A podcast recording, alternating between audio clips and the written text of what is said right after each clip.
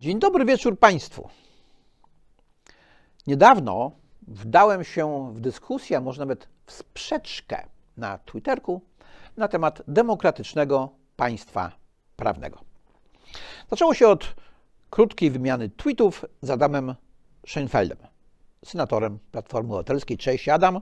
E, może następnym razem usiądziemy sobie tutaj przy tym stoliku e, i pogadamy na ten temat we dwóch. Dzień dobry wieczór. Tu Gwiazdowski mówi. Robert Gwiazdowski. A mówi Interi. Zapraszam do swojego podcastu. Teraz zacznę od tego, że demokratyczne państwo prawne zawiera w sobie dwa różne elementy, które mogą pozostawać w sprzeczności, bo to nie jest synonim. Demokracja to nie jest synonim państwa prawnego. Państwo prawne to jest takie państwo, w którym rządzi prawo. Prawo, nie ludzie. W zasadzie od starożytności, starożytnego powiedzenia lex rex, a nie rex lex, wywodzi się ta zasada. W średniowiecznej Anglii, w czasach Magna Carta Libertatum, mowa była dokładnie o tym samym. Law is king, a nie king is law. Bo jak rządzą prawa nie ludzie, to to oznacza, że ludzie nie mogą zrobić wszystkiego. Są związani w jakiś sposób prawami. Świetnie to widać w fizyce. Nie możemy zrobić wszystkiego, jesteśmy ograniczeni prawami fizyki. Zostawmy sobie Boga z boku, e, bo nie wiemy skąd pochodzi prawo grawitacji, ale istnieje prawo grawitacji. I tak samo jest z pewnymi prawami ludzkimi. Co prawda, my możemy te prawa zmieniać, ale nie każde prawo ustanowione przez człowieka jest prawem. Takim prawem, które należy przestrzegać. To jest bariera dla rządów arbitralnych. John Locke o tym wiele pisał. Ojcowie Stanów Zjednoczonych rozwinęli tę myśl. Thomas Jefferson powtarzał za Locke'iem, rządy prawa to nie są rządy ludzi. Bez względu na to, jak już mówiłem w którymś z poprzednich odcinków, jacy to ludzie. Czy to jest tylko król, czy to jest jakaś grupa, czy to jest nawet większość ludzi. Większość nie może arbitralnie rozstrzygnąć o tym, co jest dobre, a co jest złe. Oczywiście powstaje dylemat, co jest dobre, a co jest złe. Przecież mamy różne podejście do dobra i zła. Niektórzy za dobro uważają coś, co inni uważają za zło. Więc to trochę inaczej niż prawem grawitacji, którego nie można zmienić, nawet jeżeli niektórzy uważaliby, że ono jest złe, bo woleliby sobie polatać, a nie spadać na ziemię. Demokratyczne państwo prawne to jest taki wymysł naszej konstytucji. Więc, jak mówimy o państwie prawnym, powinniśmy skoncentrować się na tym, czym jest państwo prawne, czyli państwo prawa. Państwo prawa to takie państwo, w którym obowiązują prawa ogólne, równe dla wszystkich i pewne. Takie prawo pewne musi być po pierwsze jasne, no bo jak nie jest jasne, to nie jest pewne, i po drugie musi być trwałe, bo nawet jeżeli jest jasne, ale można go zmienić z dnia na dzień, e, no to nie jest pewne. I w tym kontekście należy oceniać to, czy jesteśmy, czy byliśmy państwem prawnym. Bo z demokracją bywa naprawdę różnie. Z jakiegoś powodu najwięksi filozofowie co do tej demokracji to nie mieli najlepszego zdania. Zaczęło się w zasadzie w starożytnej Grecji. Jakoś tak dziwnie, że ci dwaj najwięksi, Platon i Arystoteles, wychodzili z założenia, że demokracja ma więcej wad niż zalet. No, można z dzisiejszej perspektywy powiedzieć, no dobrze, bo oni przecież nie wiedzieli, co to jest demokracja. W takich starożytnych Atenach przecież większość to byli niewolnicy, którzy w ogóle nie brali udziału w procesie sprawowania władzy. Ale ci, którzy brali udział w procesie sprawowania władzy w sposób demokratyczny, po odsunięciu niewolników, skazali na śmierć Sokratesa. Pod błahym byle pretekstem. Ciekawostka z tym Sokratesem jest taka, że w zasadzie bardzo on przypomina hmm, Jezusa.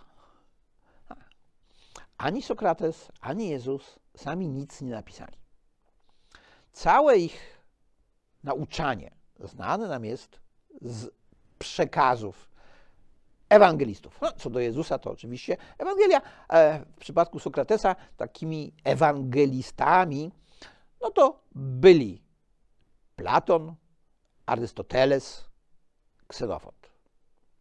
Gdyby, gdyby o Sokratesie pisał tylko sam Arystoteles i Ksenofont, to pewnie byśmy dzisiaj nie uznawali Sokratesa za taką ikonę mądrości. To dzięki Platonowi tak się stało. Platon obdarzył Sokratesa nieśmiertelnością. Ten Sokrates, choć nie musiał poddawać się pod sąd demokratycznych Aten, to jednak to zrobił. Choć nie musiał wypić cykuty, mógł uciec, to jednak ją wypił. I w ten sposób stał się nieśmiertelny. To trochę tak jak Jezus, który dał się przybić do krzyża. Dlaczego o tym mówię? No bo to są wyroki demokracji. Przecież Jezusa też trochę demokratycznie skazano na śmierć. No, większość zakrzyknęła, że oni chcą, by Piłat nie jego uwolnił, tylko Barabasza. Wyroki demokracji nie zawsze są dobre. Dlatego nie mówmy o demokratycznym państwie prawnym jako o synonimie bo co innego jest sposób wyłaniania władzy, a co innego sposób sprawowania władzy. Można w demokratyczny sposób doprowadzić do dyktatury. Już zostawmy Hitlera, który jest najlepszym tego przykładem. Dyktatura w większości zdarza się bardzo często. Kiedy? Ha! No przecież teoretycznie biorąc, dzisiaj mamy ją w Polsce. Protestują różne grupy. Ba, Unia Europejska protestuje przeciwko temu, co większość robi. Znaczy, to prawda, nasza większość nie jest taka do końca większością, e, bo ona jest tylko większością arytmetyczną, bo większości nie ma, ale mamy taką konstytucję, która pozwala, żeby mniejszość miała większość. E, I tak sobie funkcjonujemy. Z punktu widzenia idei demokracji, to to jest bardzo demokratyczne. Trzy. Istnieje państwo prawa, państwo prawne. Czy prawa są ogólne? Nie są. Czy prawa są równe dla wszystkich? Nie są. Czy prawa są pewne, to znaczy jasne? No pewnie, że nie są. Czy są trwałe? No pewnie, że nie są, bo każdą ustawę można zmienić w trybie pilnym. Mało tego, nawet jak się jej nie uchwali, to zawsze można robić reasumpcję, uchwalić jeszcze raz. Więc na naszym prostym przykładzie widzimy, że demokracja i rządy prawa to są rzeczy różne. Nie wolno traktować ich jak synonimy. To trzeba przypominać ciągle w 2016 roku, jak PiS wprowadzał te swoje nowe pomysły ustawodawcze dotyczące sądownictwa, pozwoliłem sobie napisać, że powinni oni pamiętać, iż prawa, które teraz uchwalają, będą obowiązywały, jak stracą władzę. i będzie mogła z nich korzystać dzisiejsza opozycja, która ewentualnie zdobędzie władzę. No, oczywiście można przyjąć takie gomułkowskie podejście. Władzy raz zdobytej nie oddamy nigdy. I uchwalać takie prawa, jak to byśmy my mieli wiecznie rządzić. Ale jak się coś nie uda, nawet jakbyśmy nie zamierzali oddawać tej władzy, no to czasami się może okazać, że zostanie nam ona odebrana, e, bo lud nie wytrzyma e, głupoty rządzących. Czasami tak się zdarza. No i wtedy można skorzystać dokładnie z tych samych praw.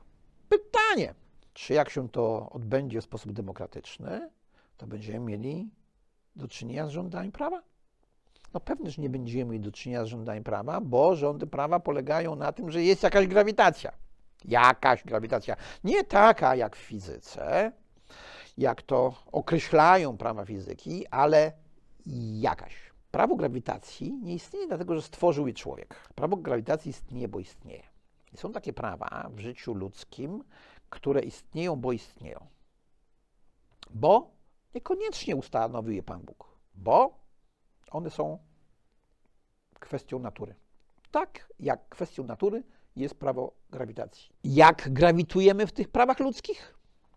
Wolność, równość. To są rzeczy podstawowe. No ja bym do tego dokładał jeszcze własność. Też Państwu o tym mówiłem, że John Locke uważał e, własność za tak istotną, że nawet wolność osobistą nazywał mianem własności osoby ludzkiej. Jak mamy te trzy prawa, no to te inne, które sobie wymyślimy, muszą brać pod uwagę te właśnie prawa podstawowe, te prawa ludzkiej grawitacji wolność, równość, własność. Tak jak nie możemy robić nic, ignorując prawa grawitacji, tak nie powinniśmy nic robić, ignorując ludzkie prawa w państwie prawnym. Nawet jeżeli demokratycznie wyłoniona większość chciałaby zrobić coś innego. I stąd mamy różne spory. Spory o to, czy jakieś rozwiązanie jest zgodne z ideą demokratycznego państwa prawnego. Bo to twórcy naszej konstytucji dosyć głupio wrzucili do jednego przepisu w jednym artykule te rzeczy. Bo nie dość, że jesteśmy demokratycznym państwem prawnym, ale ono jeszcze to demokratyczne państwo prawne ma urzeczywistniać zasady sprawiedliwości społecznej.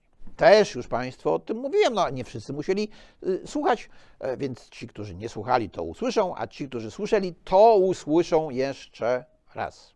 Demokratyczne państwo prawne urzeczywistniające zasady sprawiedliwości społecznej to jest bełkot. To jest bełkot z tej prostej przyczyny, że albo państwo prawne, albo urzeczywistniające zasady sprawiedliwości społecznej. I to jeszcze w sposób demokratyczny.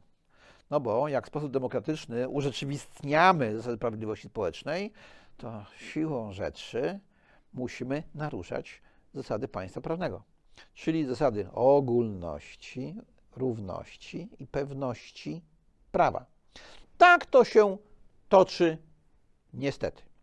Więc my w tych sporach mamy dzisiaj e, emocje, mamy dzisiaj ideologię, nie mamy ani prawa, ani filozofii prawa. Bo takie rzeczy, czym jest państwo prawa, prawne, to jest zajęcie dla filozofów prawa.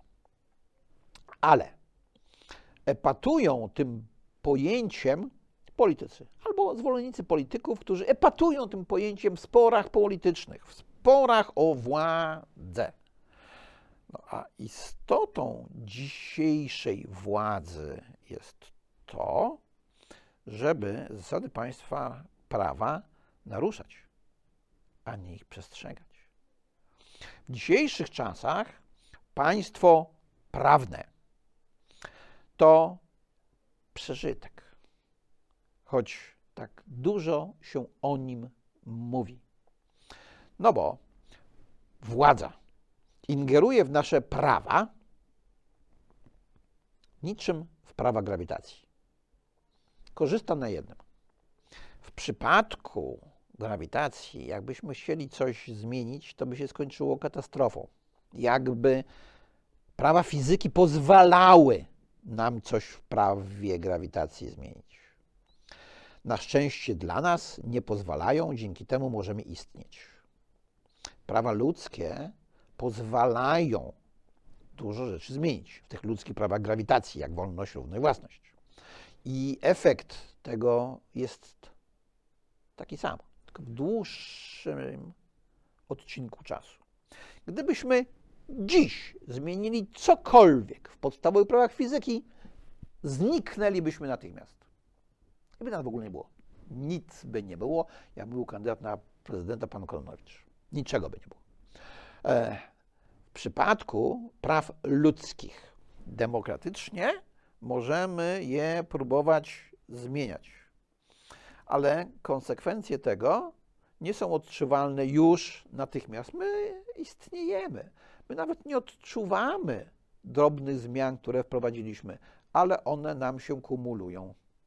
One nam się kumulują i mogą doprowadzić do tego, że niekoniecznie znikniemy, jak w przypadku zmian podstawowych praw fizyki, ale będzie nam coraz trudniej żyć, jak nie przestrzegamy tych zasad państwa prawnego.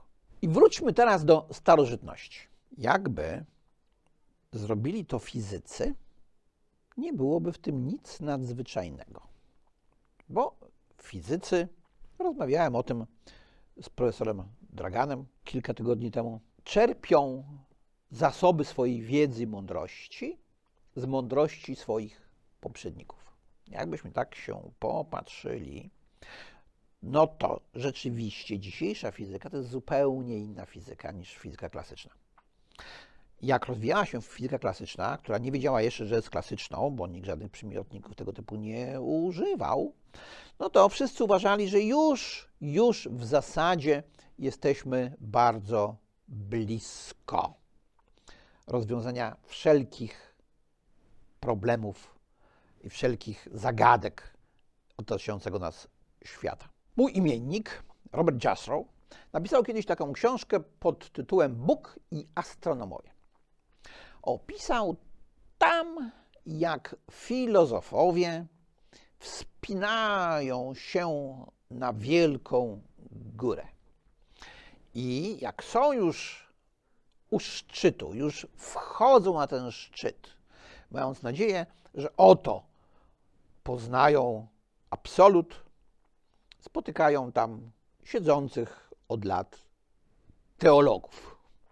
Ci teologowie zastanawiali się nad istotą wszechświata. My byśmy mogli powiedzieć, e, że siedzą tam prawnicy, którzy zastanawiają się nad istotą prawa.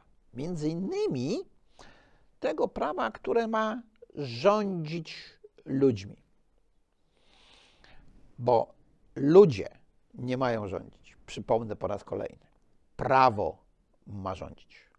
Więc poszukajmy pewnych prawideł, pewnych praw, tak jak szukają ci fizycy.